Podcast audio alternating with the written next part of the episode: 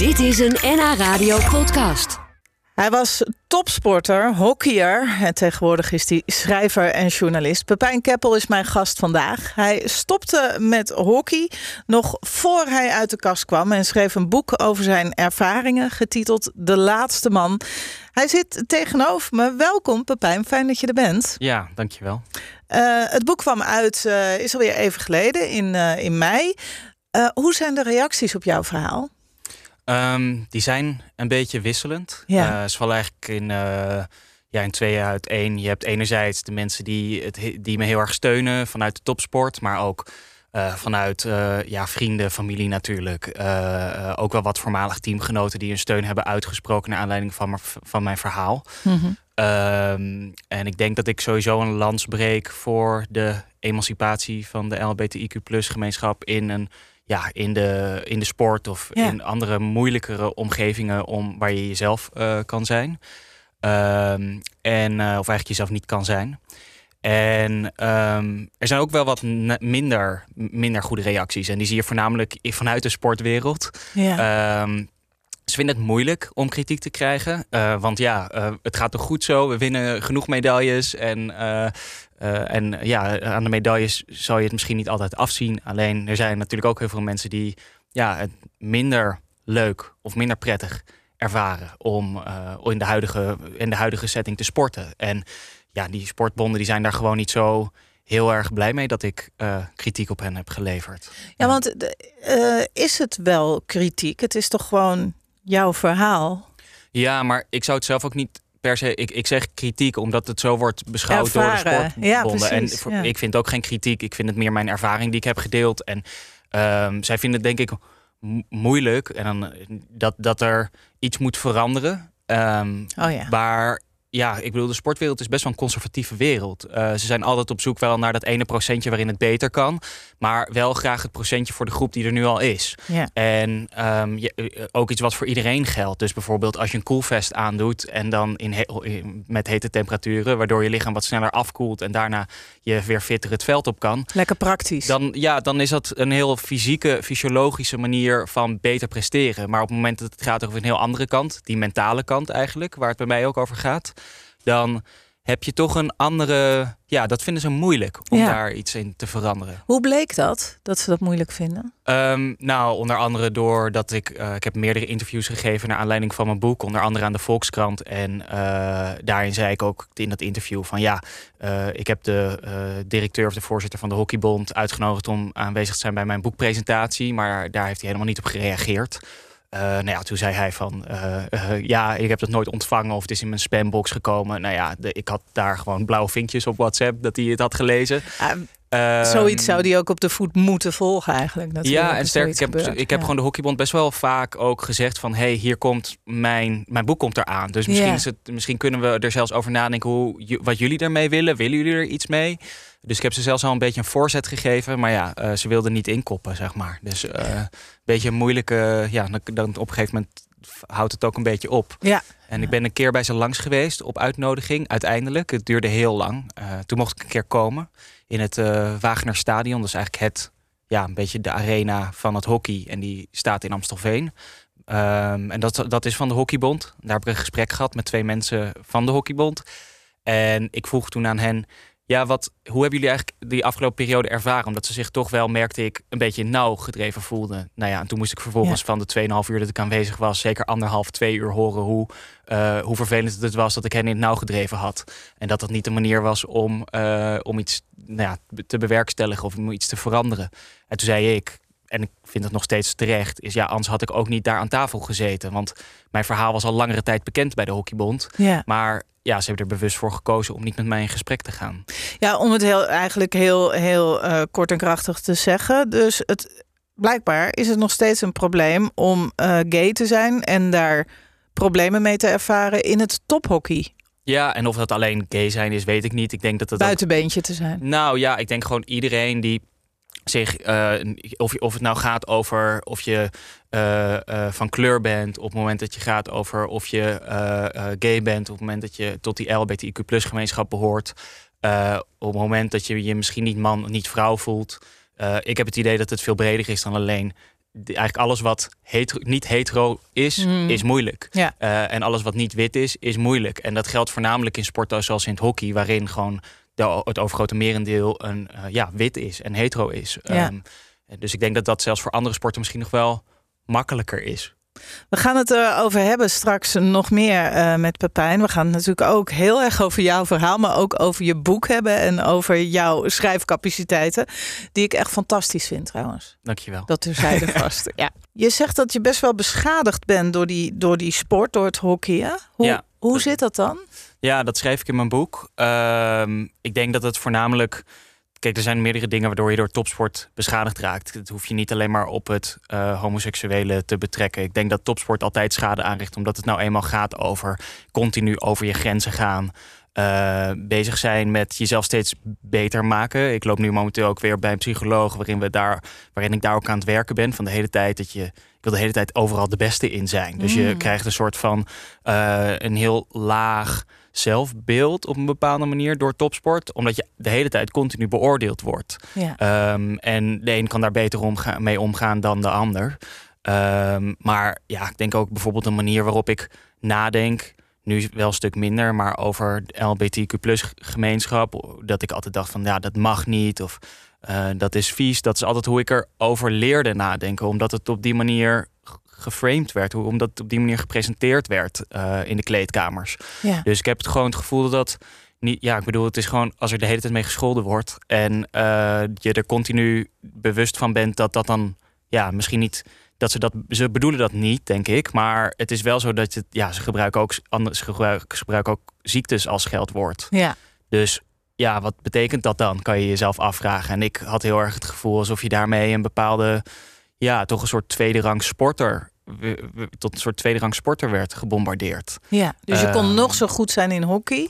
Ja, je kon net zo, nog zo goed zijn in hockey, maar dan, dan nog bleef je altijd degene die eh, niet, ja, die, die, die om mannen valt. En dus eigenlijk nooit kan voldoen aan het stereotype topsporter dat in de hockeywereld nou eenmaal geldt. En dat is gewoon een witte, tenminste bij de mannen dan, is dat een, ja, een witte heteroseksuele man. Waarom hockeyde jij? Ehm, mijn vader heeft op een blauwe maandag bij AZ eh, gevoetbald. Nog in de tijd van Siggy Lens, of ik moet zeggen selectie doen, moet ik zeggen. Hij Ja. heeft meerdere selectietrainingen daar gedaan bij AZ. Hij komt uit Den Helder. En, eh, maar hij raakte al vrij snel geblesseerd aan zijn kruisbanden en zijn meniscus. En ik mocht dus niet van hem op eh, voetbal. Dat was een soort uitgesloten. Want Nou, hij dacht, ja, ik wil niet dat mijn zoon ook geblesseerd raakt. gevaarlijk. En, eh, ja, nou ja, dat. Maar ook, ik denk dat ook wel meespeelde met het publiek voor een deel. Dat mijn ouders het ook leuk moesten vinden om langs de kant te staan. En dat ze dachten dat dat bij het hockey leuker zou zijn dan bij het voetbal. Eh, mijn moeder heeft gehockeyd bij Hermes in Den Helder. Ehm, dus, en ze zegt bij de Noord-Hollandse selectie, maar dat is een beetje een grapje thuis, omdat we daar helemaal geen foto's van hebben. Dus of, dat echt, of dat echt plaats heeft het gevonden. was misschien wel heel erg goed. Ja. Ja, nee, dat, dus, ehm, maar laten we ervan uitgaan dat dat waar is. dus ehm, nou, het was zo dat ik niet ging voetballen, dus ging ik hockeyen. Ja. Dus eh, ja, dat, dat ging eigenlijk redelijk vanzelf. Maar als je daar dan zo rondloopt met al die twijfels en al die gevoelens, dan kan je toch denken: ik doe het niet meer. Ja, dat zou je misschien als buitenstaander ook wel denken. Ja. Maar ehm, ja, het is niet alsof ik niet goed was in de sport. En eh, op het moment dat je eenmaal beter wordt in een sport of beter wordt in iets, maar het eigenlijk misschien niet altijd even leuk vindt, dan is misschien soms die, ja, die pieken van het steeds halen, naar een toernooi mee mogen, naar een EK, een EK spelen, eh, eh, een andere toernooien spelen. Dat zijn gewoon zulke hoge pieken dat de dalen dan ja, soms een beetje uitgebalanceerd raken. Dus dat het eigenlijk gewoon een neutrale lijn wordt. ja. En ehm, ik, vond, ik, ik vond hockey in de kern niet per se niet leuk. Ik vond alleen het klimaat niet veilig genoeg om uit de kast te komen. Ehm, en daarnaast denk ik ook dat het voor mij heel erg meespeelde dat ik, zoals elk kind, eh, je ouders trots wil maken. Dus ja. eh, je bent. Ja, je bent jong, je wil iets, je wil laten zien aan je ouders eh, vanaf het moment dat je klein bent dat je je veters kan strikken, zijn je ouders trots op je. Eh, dat op het moment dat je een keer een goed cijfer haalt, zijn je ouders trots op je. Nou ja, en bij mij was dat ook zo. En misschien was dat nog wel belangrijker als ik werd geselecteerd om mee te gaan naar, naar een groot toernooi. ja. Dus voor mij was dat ook echt een motivatie om continu, ja, eigenlijk een beetje mijn ouders te pleasen. Van hé, hey, ik kijk, ik kan het wel, ik ben wel goed genoeg. Eh, En ja, nou ja, dat goed genoeg, dat, daar hebben we het net ook over gehad. Dat je dus gewoon de hele tijd het gevoel hebt dat je eigenlijk niet goed genoeg bent. Omdat Ja. het steeds gaat over een bepaalde selectie waar je wel of niet toe behoort. Ja. Ehm, dus het gaat de hele tijd over goed en fout. Je bent goed genoeg of je bent niet goed genoeg. En ehm, ja, dat, dat is gewoon een heel. Dat is niet echt. Dat is echt iets wat moeilijk is om uit te leggen. Omdat, omdat mensen dat gewoon niet altijd. omdat- Omdat het zo moeilijk is om topsport te, in die, die zin te begrijpen. Ja. Denk ik. Maar als jij gewoon door, of gewoon, als jij doorgehockeyd had, ja. ehm, was je dan echt tot de hele absolute Olympisch kampioen, nou ja, kampioen weet je natuurlijk niet, maar Olympisch sporter geworden, denk je? Nou, ik, dit, deze vraag krijg ik natuurlijk heel veel. Oh. Ehm, maar het is een vraag die ik natuurlijk eigenlijk niet echt kan beantwoorden. Omdat de. Kijk, ik hockeyde in een. In, een, in de Nederlandse jeugdselecties. En die jongens met wie ik hockeyde, ja, die spelen nu, ja, drie kwart of zo daarvan speelt nu, is nu het huidige Nederlands herenelftal. Dus ja, ik had dan denk ik een kans gemaakt om daar ook tussen te zitten. Eh, en iedereen uit die groep die nog hockeyt, speelt in de, in de hoofdklasse, de, zeg maar de eredivisie van het hockey. En eh, dus er is een grote kans dat ik dat ook had gespeeld. Ja. Hebben zij je Ehm, boek gelezen? Een paar jongens hebben, weet ik, dat ze mijn boek hebben gelezen. Ja, niet ja. gereageerd. Jawel, die hebben Oh. wel gereageerd. Maar ook omdat we... eh, ik heb bij Galiet en Sophie talkshow op tv... eh, ben ik aangeschoven met drie voormalige teamgenoten. Dus daarvan weet ik dat ze het boek hebben gelezen. En met de gesprekken buiten die uitzending... en andere mo mediamomenten om... weet ik ook dat ze... dat in het Nederlands elftal echt wel wat jongens het boek hebben gelezen. Maar daar heb ik eigenlijk niets van vernomen. Oh. Nee. Nee. Ik heb het, ik heb het met zoveel. Ik, het, het, het, het is natuurlijk kort tijd voor mij, dus ik heb het niet helemaal gelezen, maar stukken. En ik was echt zo verbaasd. Kun je je dat voorstellen? Waarover? Over het feit dat die. Kijk, ik werk natuurlijk in de media, waar op zich eh, tot welke, welk onderdeel eh, van de gemeenschap je ook hoort, niet meer zo moeilijk wordt gedaan. Voor mijn gevoel, hè? Ja. Ja. Ehm, Ja, ik denk dat de media ook voor sommige groepen mensen ook een heel onveilige omgeving kan zijn. Eh, ik denk dat zie voor je alle al- groepen kan ik je vertellen. Ja, nee, maar dat zie je bij de, ja, ja, dat zie je bij de Voice, ja. weet je wel. Dat zie je. eh, ik bedoel, de redacties zijn over het algemeen vrij wit eh, in de media. Dus ik denk dat dat ook geldt in de media. Maar daar is wel echt een enorme inhaalslag in. En er wordt ook heel veel aandacht aan besteed. Ja, En ik we. schrok gewoon van hoe dat in, de, in dit geval in de hockeysport dus nog als iets aparts werd gezien. ja, ja. Maar ik denk dat je ook te maken hebt met een groep mensen die. ehm, kijk, die groep, die, een hockeygemeenschap is over het algemeen een heel homogene groep. Het zijn allemaal mensen die hetzelfde zijn over het algemeen. Over het algemeen alge- Ja, eh, blijkbaar. Ja. ja, dus Ja. je hebt mensen die zijn over het algemeen welgesteld. eh zijn over het algemeen wonen ze in een groot, groter huis dan, of bovengemiddeld huis. Heeft natuurlijk te maken met een bovengemiddeld inkomen. Ehm, eh, ik viel daar ook al buiten de boot overigens, want ik kom uit Amsterdam Nieuw-West. eh, en mijn moeder stond voor de klas eh, in een tijd dat er, je kan het je niet voorstellen, maar te veel leraren waren. ja. Ehm, dus, en mijn vader werkte bij de Marechaussee, dus we hadden niet echt. wij zaten ook nog eens in een andere sociale klasse dan je vaak tegenkomt op een hockeyveld. En ik denk dat eh, ja, mensen gaan dicht bij elkaar wonen omdat ze elkaar lijken. Mensen gaan naar bepaalde clubjes omdat ze elkaar lijken. Mensen gaan naar dezelfde sportclubs op het moment dat ze op elkaar lijken. En dat geldt volgens mij bij het hockey net zo goed als voor woonwijken bijvoorbeeld. En dan is daar dat dus nog steeds een, eh, een onderzoek als je, eh, als je dus ja, afwijkt of een kleur hebt. Ja, nou ja, ik denk dat het gewoon in elk geval een omgeving is waar je niet vanzelfsprekend ehm, het naar je zin hebt. Eh, en als ik, nou ja, ehm, ik, ik kom veel op hockeyclubs en bij bedrijven en dan wordt er vaak aan mij gevraagd: wat kan er nou beter, bijvoorbeeld? Eh, en dan zeg ik, nou ja. Het klinkt misschien als heel klein, maar ik denk dat we echt moeten nadenken over vragen die je stelt. Stel dat je een jongens jeugdteam coacht, bijvoorbeeld, Ja. training ge- geeft. Ja.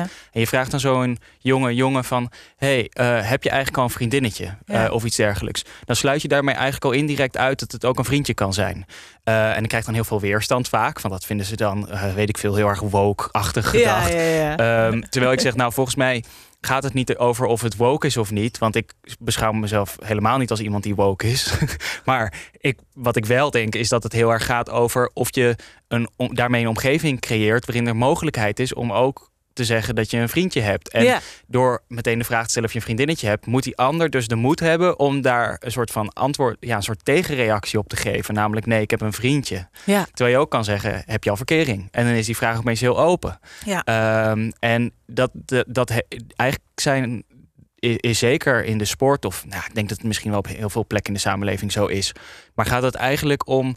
Sch- de, over het algemeen gaat het om wat er niet gezegd wordt, zijn vaak de problemen. Dus eh, in plaats van wat er wel gezegd wordt. Dus ja, er wordt gescholden met gay en met homo, en dat is echt heel onprettig.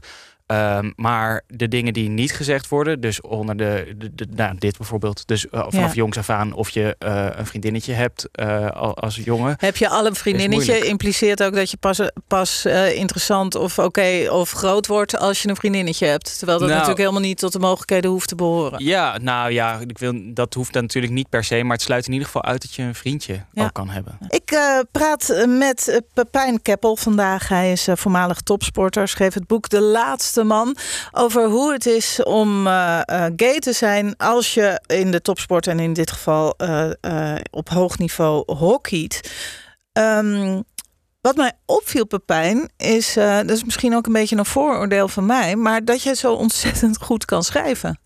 Dankjewel. Maar, ja, maar dat is een beetje voordeel van een topsporter, denk ik. Die is aan het sporten, die is steeds zijn- opleiding en misschien de ontwikkeling van eh, de taal in ieder geval door doorstuderen daarop, eh, verfijnen en dergelijke. Nee, die is bezig met sporten. Ja, Maar het is een ontzettend goed geschreven boek. ja, dankjewel. Maar ik werk ook al wel lang als journalist hoor. Ik ben Ja. op mijn twintigste bij NRC Handelsblad begonnen en daarna bij Follow the Money gewerkt.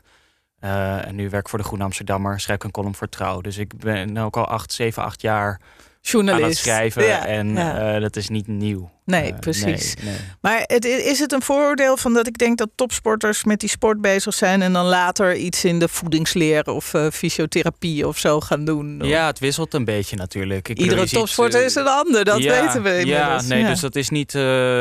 ja, ik denk dat de, de topsports die ik ken... want ik heb op een soort topsportschool gezeten... hier in Amsterdam Nieuw-West. Het Ja. kan het lyceum. Je hebt die over het hele land. Loodscholen heten die. Dan krijg je als topsporter eigenlijk de ruimte om... ja, een soort van... dan wordt je middelbare schoolopleiding... een soort universitaire opleiding. Niet Ah, in de zin van niveau... maar wel in dat het niet verplicht is om naar colleges of naar les te komen, bedoel ik. Oh. Of eh, je mag je toetsen op een ander moment maken. Dat is dan niet helemaal vergelijkbaar met een universitaire opleiding. Maar eh, in elk geval krijg je heel veel ruimte en vrijheid. En je krijgt vrijstelling voor vakken. En als ik dan kijk naar mijn vroegere klasgenoten die gestopt zijn met topsport, dan zie je, ja, de een is marinier geworden, de ander eh, eh, werkt, die is growth hacker, die probeert kleine bedrijven snel te laten groeien. Sommigen Heel werken in de media. dingen, Ja, ja. dus dat.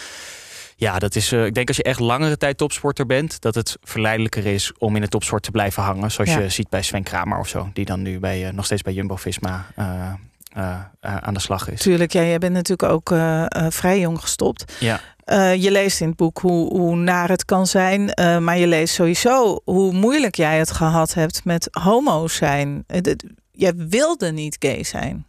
Nee, ja, maar ik denk dat dat je eerste reactie ook is als je tot die LBTQ gemeenschap behoort. Dat je Ja? eigenlijk, ja, ik denk niet dat je meteen denkt van, oh nou wat leuk, het is één groot feest dit. Want Mm. ik bedoel, eh, alleen als je op de wereldkaart kijkt, dan kan je eh, zo de helft of meer van de landen afstrepen waar je nooit, he- nooit heen zou kunnen.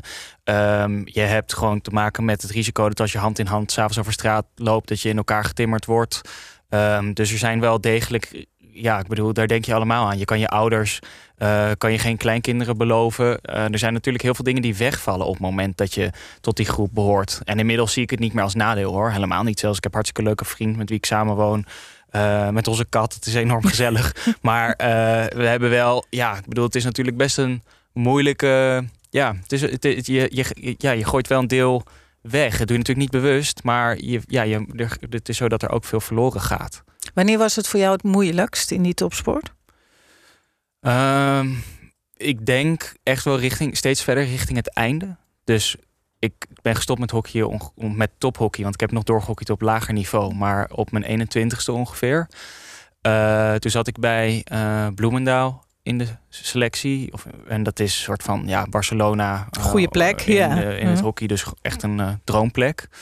En bij Jong Oranje zat ik toen. En toen had ik steeds vaker dat ik eigenlijk ja, eigenlijk, ik, ik, ik wilde liever geblesseerd raken dan dat ik op het veld nog verscheen. Dus ik, had, ja, ik zat echt bij de psycholoog en dan moest ik daar uitleggen dat ik liever mijn kruisbanden af wilde scheuren. En uh, dan nog naar het veld toe gaan. En dat was voor mij echt het moment dat het niet leuk meer werd. Op den duur heb ik toen een, ja, ik wil niet zeggen een rugblessure geveinsd, maar ik had niet echt heel erg zoveel last van mijn rug als ik deed voorkomen. En uiteindelijk is dat de reden geweest dat ik, uh, ja, dat ik, dat ik echt vaarwel heb gezegd. Je was al aan het, uh, aan het afhaken. Ja, ik was al aan het afhaken. Ja, ja, ja ik, ik probeerde er eigenlijk gewoon vanaf te komen, maar ik wist niet zo goed hoe. En ik denk dan dat je twee manieren hebt om te stoppen met topsport. Enerzijds is gewoon keihard zeggen dat je niet meer wil. Uh, maar dat is denk ik alleen weggelegd aan mensen die het, uh, ja, die dat, die, die misschien gewoon die sport echt, echt heel erg verschrikkelijk vinden, zeg maar. En, uh, of misschien gewoon wat, wat, wat, wat stugger zijn dan heb ik je, Heb je reacties gekregen op je boek van jongens die zeggen van ja, ik zit in deze situatie? Ja, best wel veel eigenlijk. Ja, maar niet alleen jongens hoor, ook meisjes ja. en ook alles ertussenin. Ja. Uh, en die, die ook uh, of met hetzelfde te kampen hebben, of die niet, niet durven te stoppen, of die al gestopt zijn. En, maar ook moet ik zeggen, veel mensen die in een kerkelijke gemeenschap zijn opgegroeid en zich daar los van hebben gemaakt, of last van proberen te komen. Um, dat, ze, dat het zo herkenbaar is en ook tegelijkertijd zo moeilijk is om uit zo'n gemeenschap ja, te, te vluchten eigenlijk. En ja. um, dat is een, dat, ik schrok eigenlijk wel van de hoeveelheid reacties, omdat er zoveel uh, waren. Ja. En ik dacht eigenlijk van, oh, dit, mijn boek gaat heus wel impact hebben. En ik hoop dat het beter wordt voor jonge topsporters en uh, misschien mensen die nu nog actief zijn. Maar ja, als je berichten krijgt van uh, ja, een stuk of tien spelers die nu ofwel hoog voetballen of hoog hockeyen, mannen, vrouwen, mensen daartussenin, dat hoe moeilijk zij het nu hebben en dat er eigenlijk geen ruimte is om jezelf te kunnen zijn en ook niemand tegen wie je dat kan uiten. Dan, ja, dan, dan zijn we volgens mij echt nog lang niet waar we zouden moeten zijn. Ik hoop dat heel veel mensen in de topsport en daarbuiten je boek lezen. Ik hoop het ook, ja. Ja, ja vooral daarbuiten eigenlijk. Alle goeds, uh, Pepijn. Dankjewel dat, er, dat je was, Pepijn Keppel. Het boek heet De Laatste Man. En uh, nou ja, ik ben in ieder geval ietsje wijzer geworden. Dit was een NH Radio podcast. Voor meer, ga naar nhradio.nl NH Radio